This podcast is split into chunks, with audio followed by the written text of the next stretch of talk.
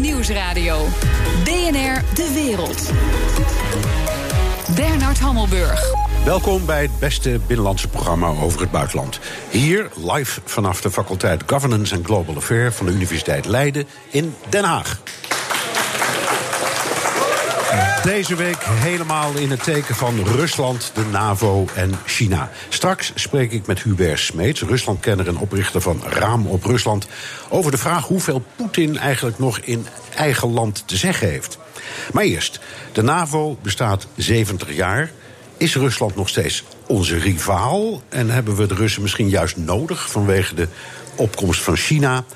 Daarover praat ik met Jaap de Hoop Scheffer, voormalig secretaris-generaal van de NAVO, oud-minister van Buitenlandse Zaken en hoogleraar aan deze faculteit, Governments and Global Affairs.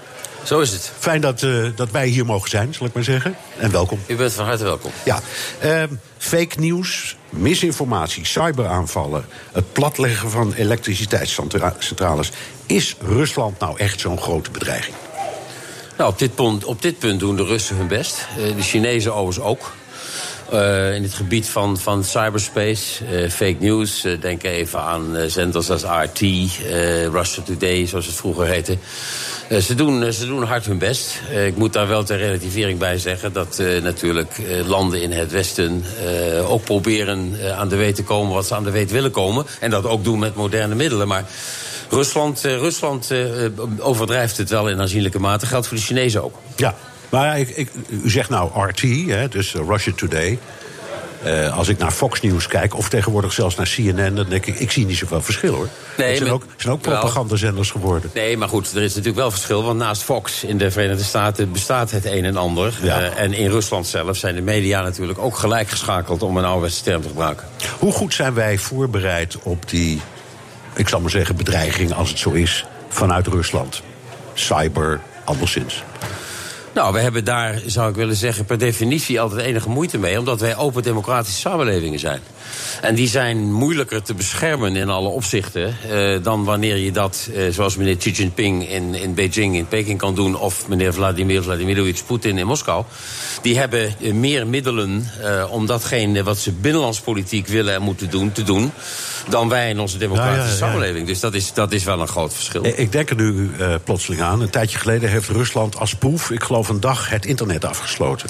Ja. Was dat om het eigen volk, maar ook het buitenland te laten zien wij kunnen die grens wel bewaken en jullie niet met je open samenleving? Ja, nou, wij, ik denk dat we moeten zeggen, wij willen hem niet bewaken. Uh, we moeten niet naïef zijn overigens. Uh, en in Nederland uh, bestaat er bijvoorbeeld bij Defensie ook een cybercommando.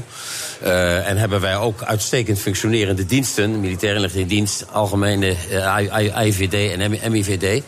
Maar nogmaals, wij zijn open samenleving, dat willen we graag zo houden. En wat dat betreft zijn wij meer kwetsbaar dan meneer Xi Jinping in China. Die kan zeggen tegen meneer Google en meneer Amazon of meneer Twitter of weet ik wie dan ook. sorry heren, dames. Maar voor onze bevolking uh, ben je er niet, want die is, jullie zijn niet toegankelijk. Nee, ze zetten hem uit. Of onder voorwaarden. soms weer aan. Ja, ja precies. Ja. Oké, okay. het is vijf jaar na de annexatie van de Krim. Zou je kunnen zeggen, zoiets gaat niet meer gebeuren? Nou, dat kun je nooit met, met 100% zekerheid nee, maar zeggen. Dat, dat bedoel ik ook niet. Dat maar, begrijp ik. Ja. Uh, ik, ik. Ik verwacht dat niet, al is het wel zo dat Poetin... Maar daar zult u straks met Hubert Smees uitgebreider over spreken. Poetin blijft natuurlijk uh, een ontregelaar, een onruststoker. Uh, hij heeft de Krim geannexeerd. Uh, vergeet niet dat in Oost-Oekraïne nog een frontlijn is... waar dagelijks wordt geschoten, waar doden vallen. Vergeet niet wat er niet zo lang geleden is gebeurd... in die zee van Azov. Ja, de straat van Ker. Ja. Straat van Ker, waar de Russen een, een brug naar de geannexeerde Krim hebben gebouwd. Die hebben ze zo laag gebouwd dat er grote schepen die belangrijk zijn voor havens in Oekraïne als Mariupol niet onderdoor kunnen varen. Daar hebben ze uh, amok gemaakt zonder enige reden en aanleiding. Dus je kunt nooit zeggen, uh, het zal niet gebeuren. ik denk dat een van de heimelijke ambities van Vladimir Poetin zou kunnen zijn... mark my words, zou kunnen zijn... dat hij ook een landbrug naar de Krim realiseert. En dan moet hij bij Mariupol, die haven daar, moet hij, moet hij doorstoten... Ik zeg niet dat hij de ambitie heeft dat hij het doet, maar ik zeg wel dat hij er wel eens van droomt. Ja, dat begrijp ik. En het zou ook zijn plan vervolmaken. En het bewijs leveren van zijn stelling, waar zeur je over? Die Krim is gewoon van ons. Nou even het omgekeerde. we kijken even door de ogen van het Kremlin. de Russen zeggen het is juist de EU en de NAVO die ons bedreigen. Op de Balkan wordt Montenegro lid van de NAVO. Er zijn gesprekken met Macedonië. De EU flirt voortdurend met Moldavië en Georgië. Dus Poetin denkt, ze zijn maar aan het insluiten. Ja, dat is, dat is uh, iets wat we al heel lang horen. Dat is op zichzelf niet nieuw. Nee, maar de, vraag, de vraag is of zijn. Geval de, de, de Russische emotie daarover. Want de Russen hebben een gigantisch lang geheugen. Uh, dus de Tweede Wereldoorlog was eergisteren voor hun. Moeten we niet rekening houden toch met die gevoeligheden? Ja, als die perceptie in, in Moskou bestaat, en die bestaat... dan kunnen wij zeggen, ja, dat, die perceptie deugt niet... maar daar ben je er niet mee. En daar moet je wel in dialoog met Rusland over praten. De maar die daar meteen achteraan komt, is uiteraard... Uh, uh, konden we of kunnen we landen die bij de Europese Unie willen horen, bij de NAVO willen horen. EU is dan natuurlijk altijd nog iets eenvoudiger dan de NAVO. Kun je die zeggen: uh, sorry guys, maar jullie komen in die tin? Hadden we dat tegen de Baltische landen moeten zeggen, tegen de Centraal-Europese landen? Ik denk het niet. Nee, maar we hebben ook het omgekeerde gedaan. We hebben geflirt met Georgië en met Oekraïne.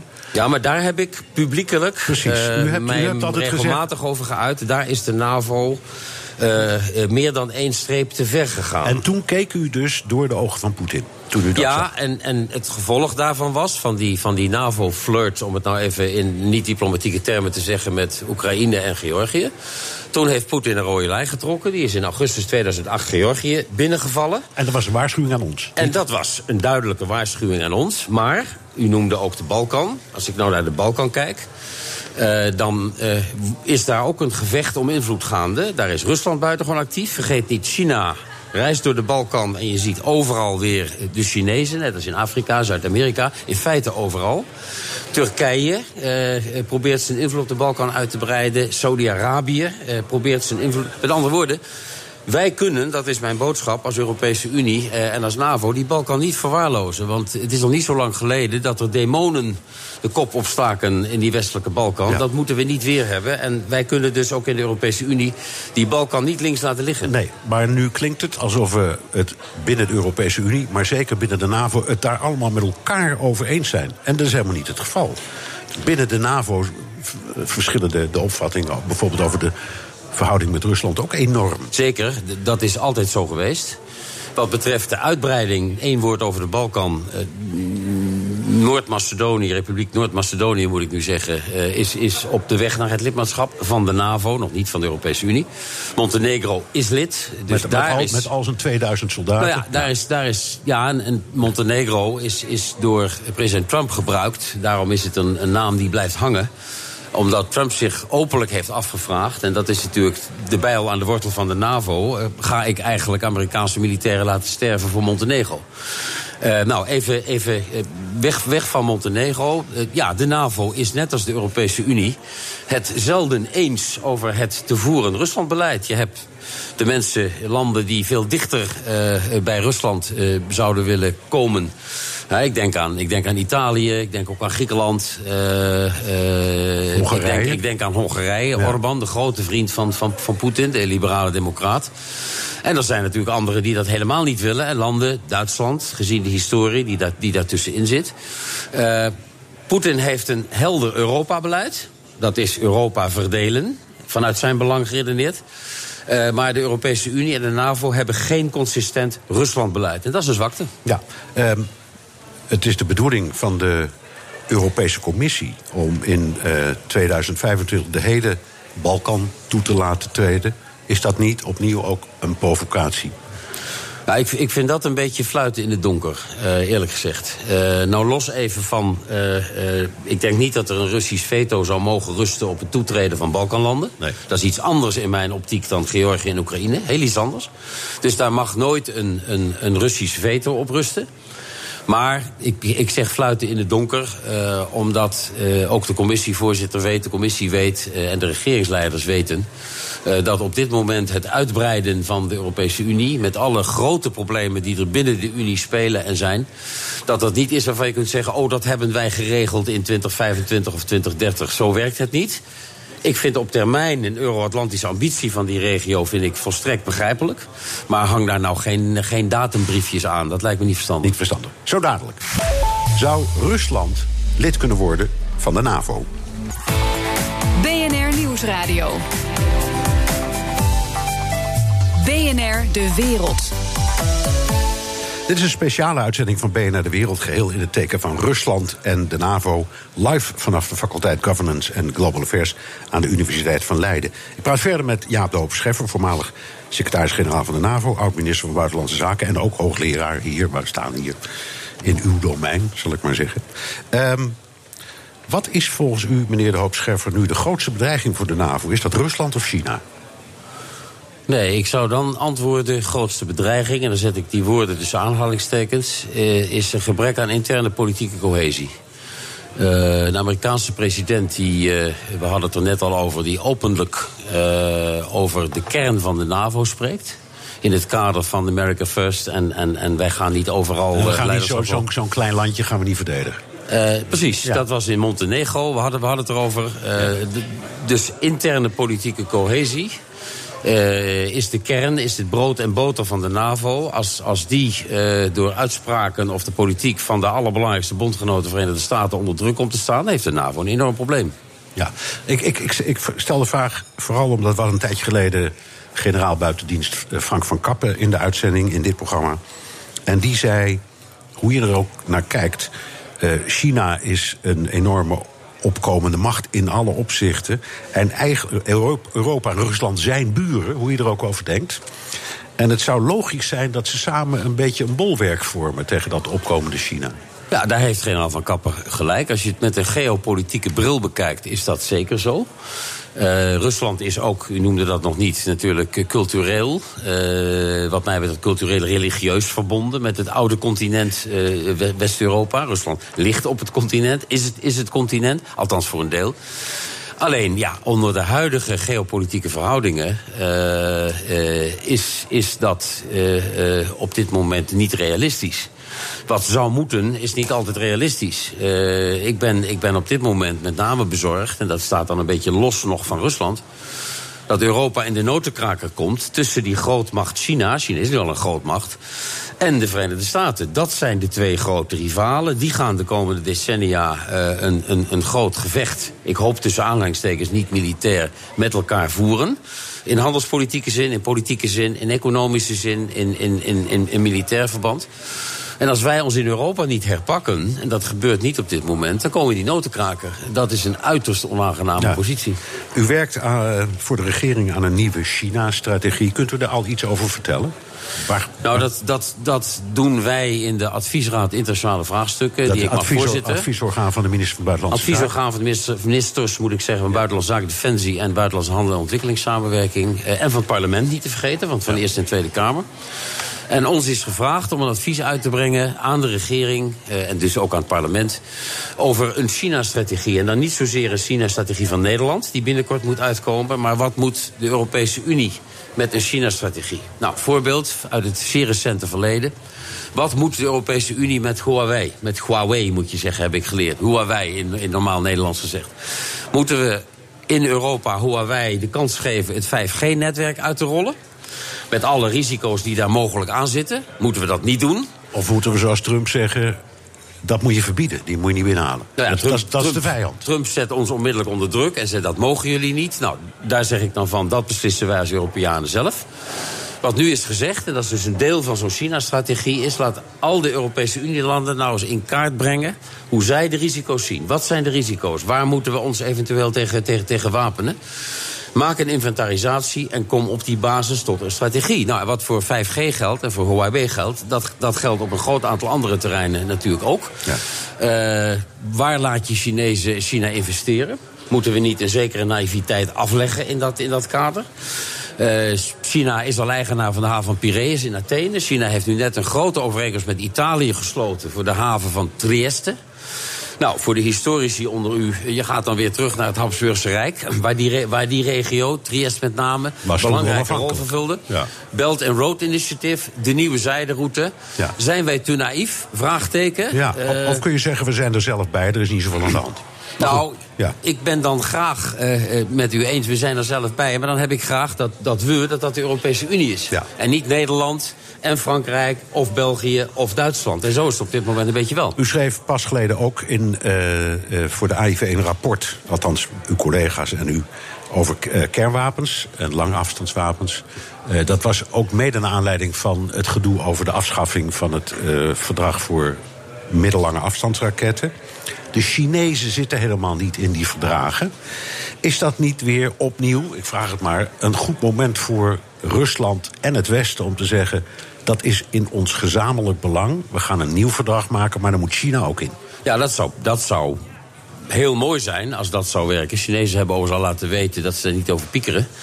Uh, vanuit hun belang gezien kan ik me dat nog voorstellen. Het opzeggen van het INF-verdrag, zoals dat heet, over die middellange afstandswapens door Rusland, heeft evenveel te maken, zoals u terecht constateert, met de bedreiging die zij uitzien gaan van China, als de bedreiging die uitgaat van ons, van het Westen, van de Verenigde Staten. Uh, we hebben als adviesraad uh, gezegd. Laten we nu in verband van de Verenigde Naties uh, een, een, een hele zware groep mensen optuigen. Naar aanleiding van het Broentland-rapport, wat een aantal jaar geleden in de VN is gemaakt. ging over een heel ander onderwerp. Om te proberen ontwapening weer op de agenda te krijgen. Want we praten wel over het opzeggen van verdragen over kernwapens. Maar er wordt eigenlijk nergens serieus over ontwapening gepraat. Nee. En dat moet wel, Okay. ook met de Chinezen. In 2000 vroeg Poetin aan Bill Clinton of Rusland lid zou kunnen worden van de NAVO. Het was toen misschien een grap, het was misschien ook wel serieus Nou, dat gaat op dit moment niet, maar op zichzelf zou het toch kunnen. Als ze aan een aantal criteria willen voldoen. Ik heb het een keer aan Poetin gevraagd, kan ik u, kan ik u in anekdotische zin uh, vertellen. In, in, navolging van Clinton en, en anderen.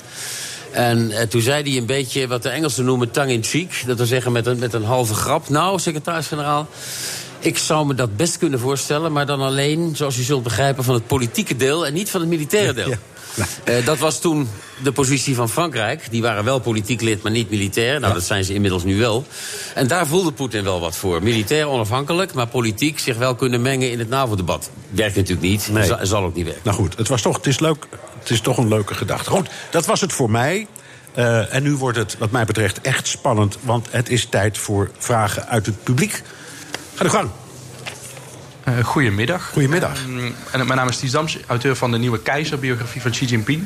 Ik ben het helemaal eens met uh, uw oproep, meneer de Hoop Scheffer, voor een verenigd Europa-beleid ten aanzien van China. Iets dichterbij, oké. Okay. Um, u bent voorzitter van de commissie en de commissaris voor Buitenlandse Zaken. Hoe overtuigt u de regeringen van Luxemburg, van Italië, van Griekenland... dat ze moeten bijdragen aan een verenigd Europees China-beleid... in plaats van zelf voor te sorteren op een goede deal met China. Um, wat zegt u die regeringsleiders? Nou, ik, ik, zou beginnen met wat ik net noemde mijn notenkrakerssuite. Uh, maar dan niet van Tchaikovsky, maar van mezelf. Uh, in, in die zin dat als we het niet doen... En als we allemaal ons eigen China-beleid, dat vindt Xi Jinping, u, u, kent hem beter dan ik, uh, vindt dat uiteraard geweldig. Want die is op dit moment op een Europese verdeelreis. Uh, ik zag hem staan met, op een foto met Merkel en, en, en, en, Macron. Hij was al in Italië geweest. Die vinden dat prachtig.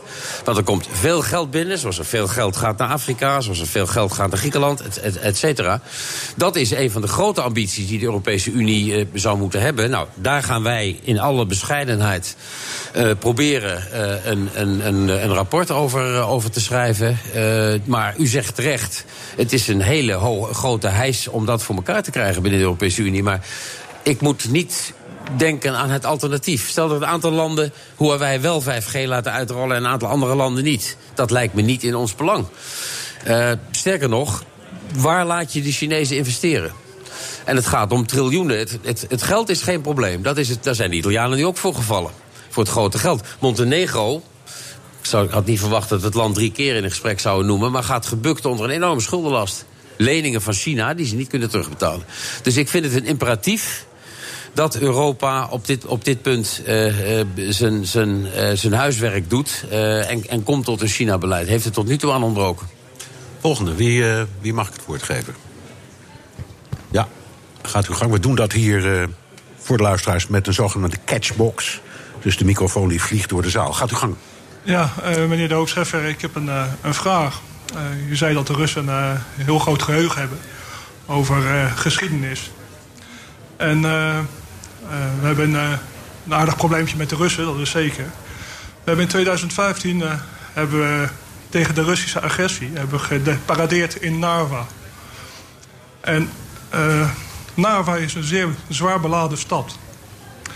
Het is de, daar heeft de slachting van de Nederlandse, Belgische en Estonische SS plaatsgevonden. Daar zijn ook gedenktekens voor.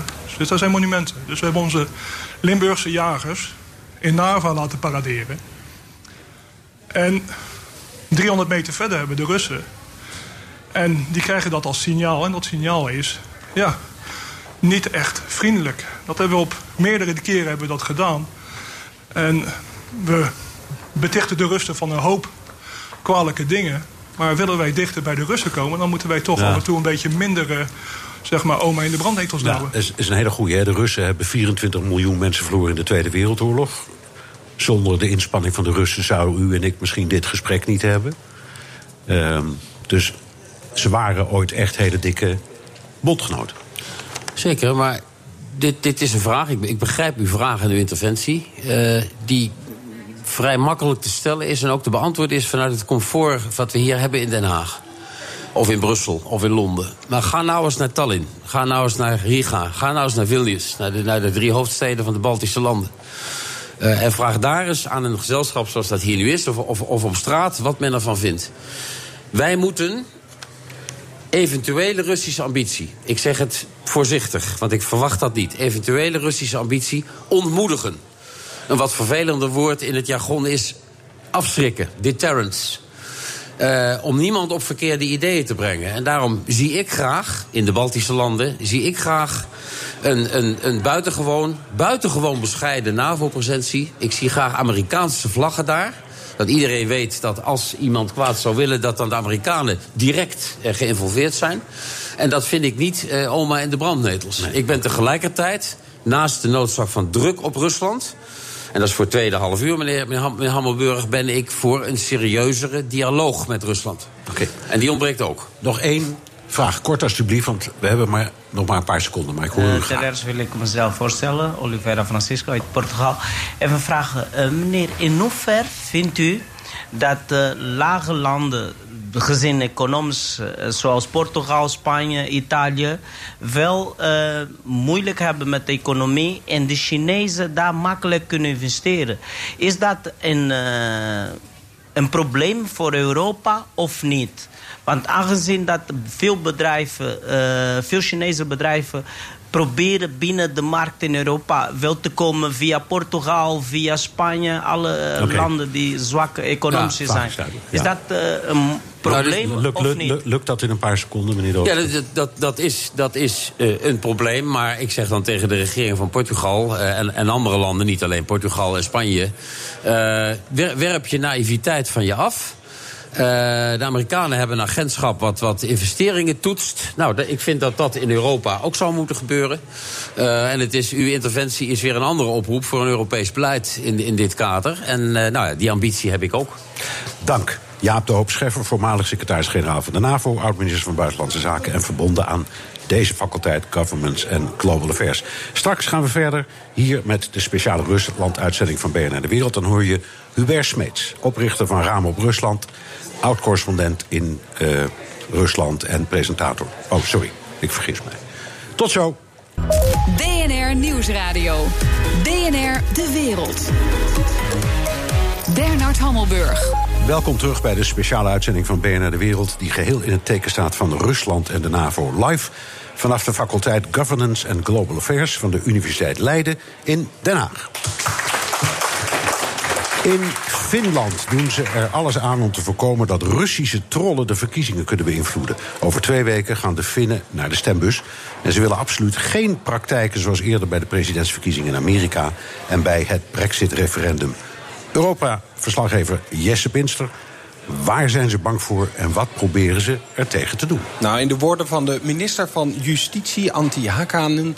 die heeft tegen Bloomberg gezegd dat het gaat om online activiteiten... die het wantrouwen in de autoriteiten aanwakkeren... en de eenheid in de EU ondermijnen. Dus het zijn trollen die eigenlijk nou, het nepnieuws aan het verspreiden zijn. Dus wat gaan ze in Finland doen? Nou in ieder geval die accounts die dat doen opsporen Facebook die geeft cursussen aan journalisten van hoe zij ja, om, om kunnen gaan met online intimidatie. Dan zijn er workshops voor politici. Nou, die zijn vrij basic, want dan gaat het over verzin een slim wachtwoord en doe toch eens een keer een, eh, een update. Dus ja, misschien moeten we toch een beetje hopen dat ze in Finland een, een kleine firewall hebben, omdat ze een taal spreken die misschien niet heel veel mensen over de grens kunnen spreken. Is er in Finland een partij die er baat van kan hebben? Ja, dan wordt er toch al snel uh, gewezen naar de Finse partij... of de voormalige ware Finnen. Anti-migratie, euroceptische partij. Ja, die zou daar misschien wel van kunnen profiteren. En als we dat migratiepunt er even uitpakken. Vorig jaar had je verkiezingen in Zweden. Daar zitten die Finnen ook naar te kijken van wat gebeurde daar nou. En daar had je een voorbeeld van een foto die ineens viraal ging. Er was een foto van een campagnebus van de Sociaaldemocraten. En daarop stond een moskee afgebeeld. En daar zat ook een soort hijskraan op dat busje. En dat was dan een soort minaret.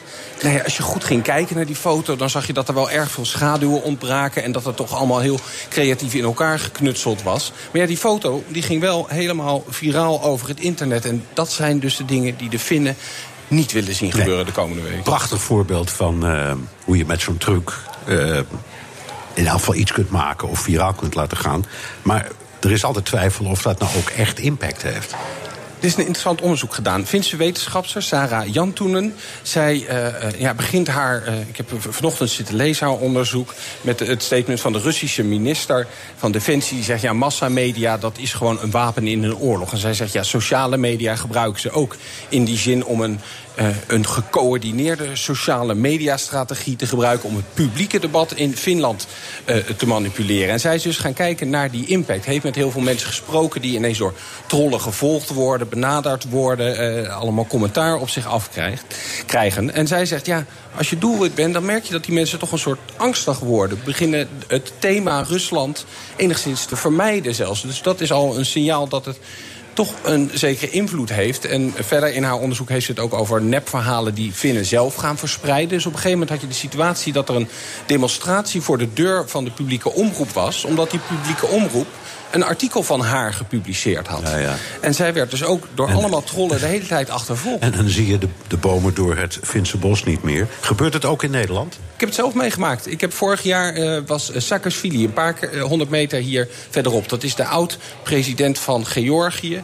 En uh, die heeft een oorlog uitgevochten met Rusland in 2008. Die heeft hij ook verschrikkelijk verloren trouwens. Dus nou, dat ging ook over Rusland, dat item wat ik daar gemaakt heb. En daar zat een gedeelte in waarin ik iets zei over de strategie van Rusland om nou, toch veel onrust te stoken. En dat dat uh, nou ja, onderdeel van die strategie is. Nou, ik heb niet, nog nooit gehad dat er zoveel commentaar, allemaal Twitter-accounts, vaak met Nederlandse vlaggetjes helemaal losgingen. Artikelen op internet verschenen met de kop was, ik heb hem nog eventjes opgezocht. Jesse Pins, BNR, waarschuwt Holland voor Russen. En dan een paar flinke aanhalingstekens, uh, uitroeptekens daarachteraan. Dus weet je, en ik iedere keer als ik een item doe over Rusland...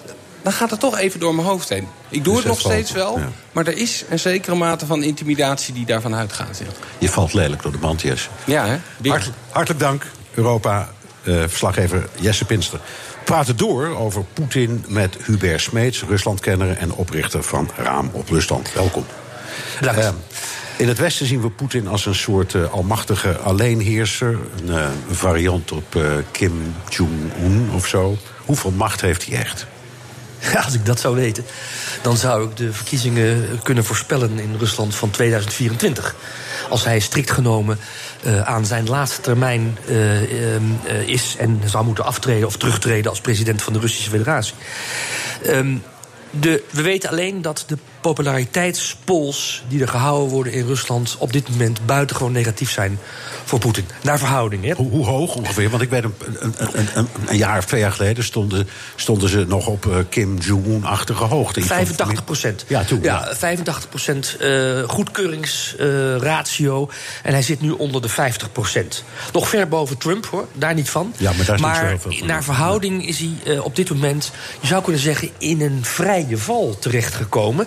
En is zijn positie in de Russische publieke opinie net zo zwak als vlak na zijn aantreden voor de derde keer in 2012. Dat was de tijd dat er grote demonstraties waren in Moskou en Petersburg en een aantal andere grote steden tegen de manipulatie en fraude van zowel de parlementsverkiezingen als de presidentsverkiezingen. Toen had hij het ook uh, voor zijn kiezen. En, en dat heeft hij nu weer. Gaat het, toen ging het om een, een typisch binnenlandse zaak. Is dat nu ook weer zo? Want wij concentreren ons voorlopig voor, voortdurend op de internationale verhoudingen en, en, en de Krim en eh, nou, noem het allemaal maar op. Maar er, waren daar, er was daar ook heel veel onrust over uh, pensioenen uh, en andere kwesties interne Rusland. Gaat het daarover? Het gaat over het laatste. Ja. Het gaat over binnenlandse politiek. De Russische samenleving verkeert in een, je zou kunnen zeggen, crisis die heel herkenbaar is voor Nederlanders. De verzorgingsstaat moet worden hervormd. De pensioenen, de gezondheidszorg, het onderwijs, de infrastructuur. Dat alles staat op, ja, op kraken, zou je kunnen zeggen. De, om voorbeeld te noemen, de gezondheidszorg in Rusland is gratis. Uh, strikt genomen, formeel. Maar in feite betekent dat gezondheidszorg heel duur is. Je moet onder de tafel betalen. Wanneer je pech hebt, word je niet opgehaald. In de ziekenhuizen, wanneer je gratis wordt, als je al gratis wordt, uh, wordt verpleegd, kom je op de gang uh, op de hoek bij de wc te liggen in plaats van op een normale kamer. met andere woorden, die gezondheidszorg heeft een, echt een hervorming nodig. maar de Russische bevolking beschouwt gezondheidszorg als gratis. Want dat was sinds het communisme altijd zo. Dus een hervorming zoals in Nederland zit er niet in. Dat maakt het ongelooflijk ingewikkeld om de Russische verzorgingsstaat te hervormen naar Nederlands model. Hetzelfde geldt voor de infra infrastructuur. Uh, de files in Moskou zijn werkelijk uh, een factor drie, vier groter en, en, en, en ingrijpender dan in Nederland, in de Randstad. Daar moet dus gebouwd worden. Daar moeten, heel simpel, daar moeten tolwegen aangelegd worden. Er ligt in heel Rusland, het grootste land ter wereld, geloof ik, vijf kilometer tolweg. Dat is het. Ja. En niemand wil daar geld in steken, omdat men bang is dat de Russen niet accepteren dat ze moeten betalen om een stukje met de auto te rijden. Dat zijn allemaal hele ingewikkelde problemen die niets te maken hebben met de oorlog in Syrië of met de crisis in Oekraïne. Die gewoon te maken hebben met de inrichting van de Russische samenleving. En ze verwijten het Poetin. Poetin is 19 jaar geleden aan de macht gekomen en heeft gezegd: Ik ga dit land hervormen. Wij moeten ervan af dat we al onze rijkdom onder de grond vandaan halen. Olie, gas, staal en andere grondstoffen. We moeten onze vermogen, vermogens, ons kapitaal, ons menselijk kapitaal boven de grond gaan exploiteren. Dat is allemaal niet gelukt. Ook het onderwijs verkeert in Rusland in een crisis. Er staat één Russische uh, universiteit in de top 200 van internationale universiteiten, die van Moskou. Nou, dat, is, dat is voor een Rus een schande. Oké, dus de positie van uh, Poetin verzwakt door binnenlandse aangelegenheden. Heeft hij het nou voor het zeggen? Of zijn er krachten waarvan wij niet zo heel veel weten rondom hem? Die het echt voor het zeggen hebben, of waarvan hij een soort marionet geworden is? Nou, dit is een ontzettend ingewikkelde vraag. Daar, waar eigenlijk alle internationale uh, kenners zich de tanden op stuk bijten. Is Poetin de baas? De almachtige president, de tsaar zou je kunnen zeggen? Of is hij eigenlijk niet meer dan de, de topscheidsrechter... die alle verschillende belangen in dat land in evenwicht moet houden... en als het spannend wordt zegt jij hebt gelijk of jij mag door? Ik denk dat dat laatste toch meer het geval is dan wij uh, gewend zijn uh, te geloven. Wij kijken zo naar die man die alles kan: hè, paardrijden, uh, ijshockeyen, wat kan hij niet? Schaken, kan hij ook. wij denken dat die man alles kan, maar ik denk dat hij toch eigenlijk ook balanceert tussen twee grote kampen. Ene kant het kamp van de inlichtingendiensten en het militaire apparaat. De uniformen, zeg maar. Aan de andere kant het kamp van de staatskapitalisten. De mensen die geld verdienen, miljardair zijn... en dat parkeren aan de Zuidas in Amsterdam. Um, en die, die twee kampen vechten elkaar op leven en dood. En op dit moment lijkt het alsof de uniformen aan de winnende hand zijn. Ja, dat is zelf opmerkelijk. Wat heeft dat voor gevolg? In, in het beleid? Dat heeft tot gevolg dat bijvoorbeeld uh, het investeringsklimaat in Rusland op dit moment beneden peil is. Uh, er is een paar maanden geleden een Amerikaanse uh, private banker gearresteerd. Um, die eigenlijk altijd onder de, onder, het, onder de radar bleef, nooit zich in het publieke debat mengde. En is nu gearresteerd op verdenking van uh, uh, verduistering. En dat is uh, in de Russische wereld van ondernemers, van het bedrijfsleven, opgevat als een signaal dat het niet veilig is om geld te steken in Rusland. Een paar dagen geleden is een voormalige minister van Medvedev gearresteerd. Ja. Medvedev is de premier uh, van Rusland. Die krijgt alles, van alles de schuld wat niet goed gaat. Dat is de rol van de premier, om ja. de kop van je te zijn. Die man is gearresteerd en dat wordt ook weer gezien door de ondernemers in Rusland als een signaal van wij zijn ons leven niet veilig. En dus zijn we ook ons geld en dat geld van onze investeerders is niet veilig. Um, dat is echt een, een hele serieuze zaak. En dat betekent dat de Russische economie nog altijd nadat de crisis begon in 2014 heel heel gering stijgt. En dat de Russische bevolking vooral niet profiteert van die minimale groei. De koopkracht van de Russische bevolking is de afgelopen vijf jaar structureel achteruit gegaan. Zo dadelijk. Poetin zit in zijn laatste termijn. Wat wordt zijn nalatenschap? BNR Nieuwsradio. BNR De Wereld. Live vanaf de faculteit Governance and Global Affairs van de Universiteit Leiden in Den Haag. Mijn gast is Hubert Smeets, Ruslandkenner en oprichter van Raam op Rusland. Uh, Hubert, we hadden het net over de macht van Poetin. Hij zit in zijn laatste termijn, dat heb je al gezegd. Iedereen kijkt een beetje naar de afloop daarvan of verkiezingen. Is hij al een beetje net als Merkel, of wat je in Amerika ook vaak ziet van een president in zijn laatste termijn, wat ze noemen een leem dak? Nee, dat is hij nog helemaal niet.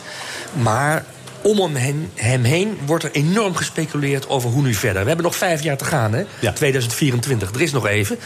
Maar uh, men is uh, uitvoerig aan het speculeren. En dat komt ook een beetje door de plotselinge uh, beslissing van de president van Kazachstan. Uh, om af te treden. Anderhalve ja. week geleden om af te treden. Ja. Die man die zat er al 25 jaar. Al 35 jaar was hij ongeveer aan de belangrijkste man in Kazachstan. En Kazachstan verwaarloost het niet. Hè. Er wonen net zoveel mensen als in Nederland. Maar het is wel zeven keer zo groot als Frankrijk. Ja, We hebben het echt over een serieus land. En ze hebben uranium. Ook niet onbelangrijk. Nee. Los van gas en olie. Nee. Um, en, en, en, die, en, die pre en, die, president was ook wel echt een persoonlijke relatie van uh, Poetin. Is dat echt in zijn netwerk? Ja, maar tegelijkertijd ook wel een kritische kerel hoor. Dus die, die, die Kazach die Kazachen die laten zich het kaas niet van brood eten, ook niet de Russen. Maar die is ineens teruggetreden en dat heeft de discussie in, in Moskou enorme vaart gegeven. Is deze optie die Nazarbayev heeft uh, verzonnen een week geleden... is die ook uh, beschikbaar voor Poetin? Nazarbayev is namelijk teruggetreden als president. Misschien wordt zijn dochter zijn opvolger. Uh, nou, dat geldt voor Poetin sowieso niet. Maar hij heeft nog steeds de touwtjes in de handen, Nazarbayev... omdat hij is voorzitter geworden van de Nationale Veiligheidsraad. En op die manier, een beetje zoals Deng Xiaoping...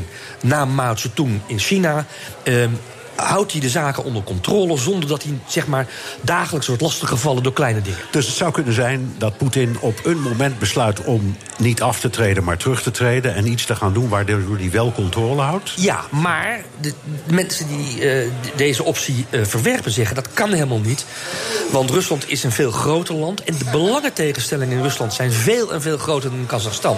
Kazachstan is toch vrij homogeen en de macht van Nazarbayev was zo groot dat er eigenlijk geen andere belangen zijn behalve die van Nazarbayev en zijn vrienden. Dus die mensen zeggen. Poetin kan daar niet voor kiezen. Binnen de kortste keer als hij dat zou doen, zou de pleuris uitbreken in Moskou en is het einde zoek. Als je naar Poetin kijkt, we hebben steeds maar. We bekijken hem voortdurend door een kritische look. Zijn er ook dingen waarvan je zegt dat heeft hij wel goed gedaan? Nou, zeker. Heeft de, je zou kunnen zeggen, de langzame onttakeling van de Russische federatie, het woord zegt het al, heeft hij tegengehouden. Toen Yeltsin in 1999 aftrad, toen was ongeveer elk gouvernement in Rusland, elk district, was, uh, was een eigen koninkrijkje. Belasting, uh, belasting betalen uh, voor de domme, dat deed je niet. Dat heeft hij voor elkaar gekregen. Hij heeft het voor elkaar gekregen, voor Rusland heel belangrijk, dat grote delen van de wereld weer ontzag hebben voor Rusland, bang zijn voor Rusland. En dat is in, de Russische traditie een, belangrijk, uh, een, belangrijke kwaliteit. Hè. Men wil gerespecteerd worden uh, door ook een beetje angst te zaaien. Bijvoorbeeld uh, in de naaste omgeving in Europa. Dat heeft hij voor elkaar gekregen. Wat hij zeker voor elkaar gekregen heeft, is dat de oligarchen, anders dan bijvoorbeeld in Oekraïne een toontje lager zijn gaan zingen. Dus de, de, de Ralf, Ralf Hamersen van, van Rusland... die bemoeien zich niet meer met politiek. Nee. Um, en um, dat is een, een verdienste, want uh, die oligarchisering... van de Russische samenleving in de jaren negentig... die leidde ertoe dat de Russische staat verkruimelde waar je bij stond. Ja, dat is waar. Even over de relaties uh, met het Westen.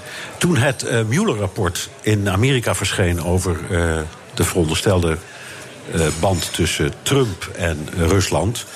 Toen was Trump dolblij en Poetin dolblij.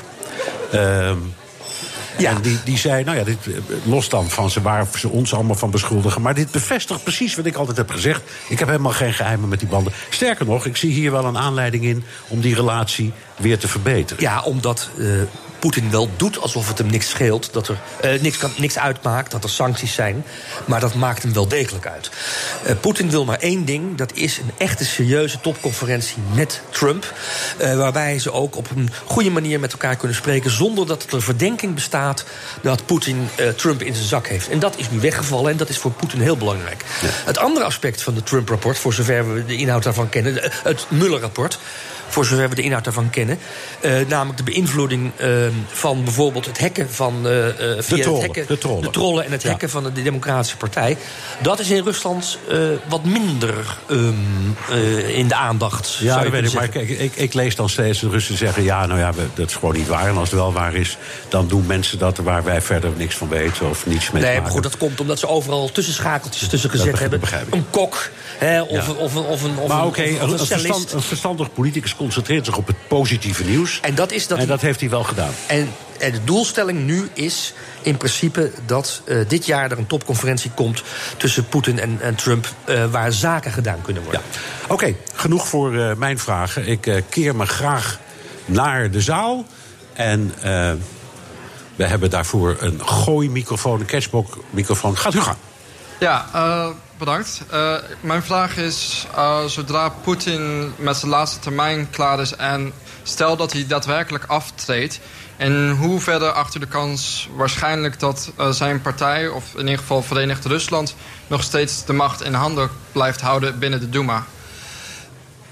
Die, die kans acht ik niet zo groot. Omdat de Partij Verenigd Rusland, de regeringspartij in Rusland... een, nou ja, een van de aller impopulairste eh, maatschappelijke organisaties die maar denkbaar is in Rusland. Het is de partij die door Navalny, dat is een, een anticorruptiestrijder, eh, een oppositionele eh, politicus die heel vaak gevangen genomen wordt, de partij van de dieven en de oplichters wordt genoemd. Eh, maar eh, ze zijn in het Kremlin niet voor één gat gevangen. Dan richten ze een andere partij op. Die minder slechte naam heeft. Met verse, nieuwe, frisse gezichten. Eh, en eh, met de zogenaamde politieke technologie, zoals het in de voormalige Sovjet-Unie heet. kunnen ze dan zo'n partij weer in de volksgunst doen opstuwen. Leg dat even uit. Politieke, dat betekent. Politieke technologie wil zeggen, dat is bijvoorbeeld, het, het is bijvoorbeeld het, het gebruik maken van het feit dat jouw mensen de baas zijn van de lokale kiesraden. Ja, ja. En dan zeg je bijvoorbeeld tegen de kiesraad in Jekaterinburg... wij willen 65% van de stemmen. En als de gouverneur van Jekaterinburg die 65% van de stemmen niet levert... dan heeft hij een probleem. Dan wordt er bijvoorbeeld gesneden in de subsidies aan Jekaterinburg vanuit Moskou. Allemaal, dat noemen ze politieke technologie. En er zijn, eh, dat is een vak wat in Rusland tot grote hoogte gestegen is... en waar wij nog veel van kunnen leren. Wat is er? Gaat u gang. Dicht, dicht in de microfoon, alstublieft. Meneer Smit, eh, over de trollen gesproken... eh, kan ik wel met zekerheid zeggen dat ehm 80% van alles wat u over Rusland heeft verteld... eh, kan ik echt flink in twijfel nemen. Ah. Ehm, Vooral over de ehm, tolwegen, gezondheidsstelsel. Eh, als ik zou een beetje meer tijd hebben, dan zou ik met een bewijsverklaring komen. Maar ja, dat is toch wel een beetje raar dat dan. Bent u zelf Russisch? Ja, ik kom uit Oké, Rusland. dus u heeft, Ja. eh, u heeft zogezegd recht van spreken. Hubert ook. want- Dus u vindt dat het met de gezondheidszorg in Rusland op dit moment goed gaat? U, neemt, u noemt een voorbeeld van de jaren 90. Eh, wat u net verteld heeft, dan mensen onder de tafel moeten eh, betalen. Deze situatie, want ik heb daar zelf eh, gewerkt in een militaire ziekenhuis in Sint-Petersburg. Dat is precies een voorbeeld van jaren 90, wanneer Rusland in de diepste periode van de crisis Oké. Waarom heb ik dan vorig jaar nog een, een paar talkshows op de Russische televisie gezien...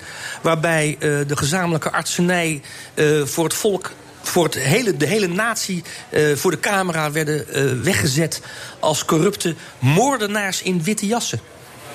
Ik, ik, heb, ik kan deze voorbeeld niet, kan ik daar niet over gaan discussiëren, omdat ik dat zelf niet heb meegemaakt.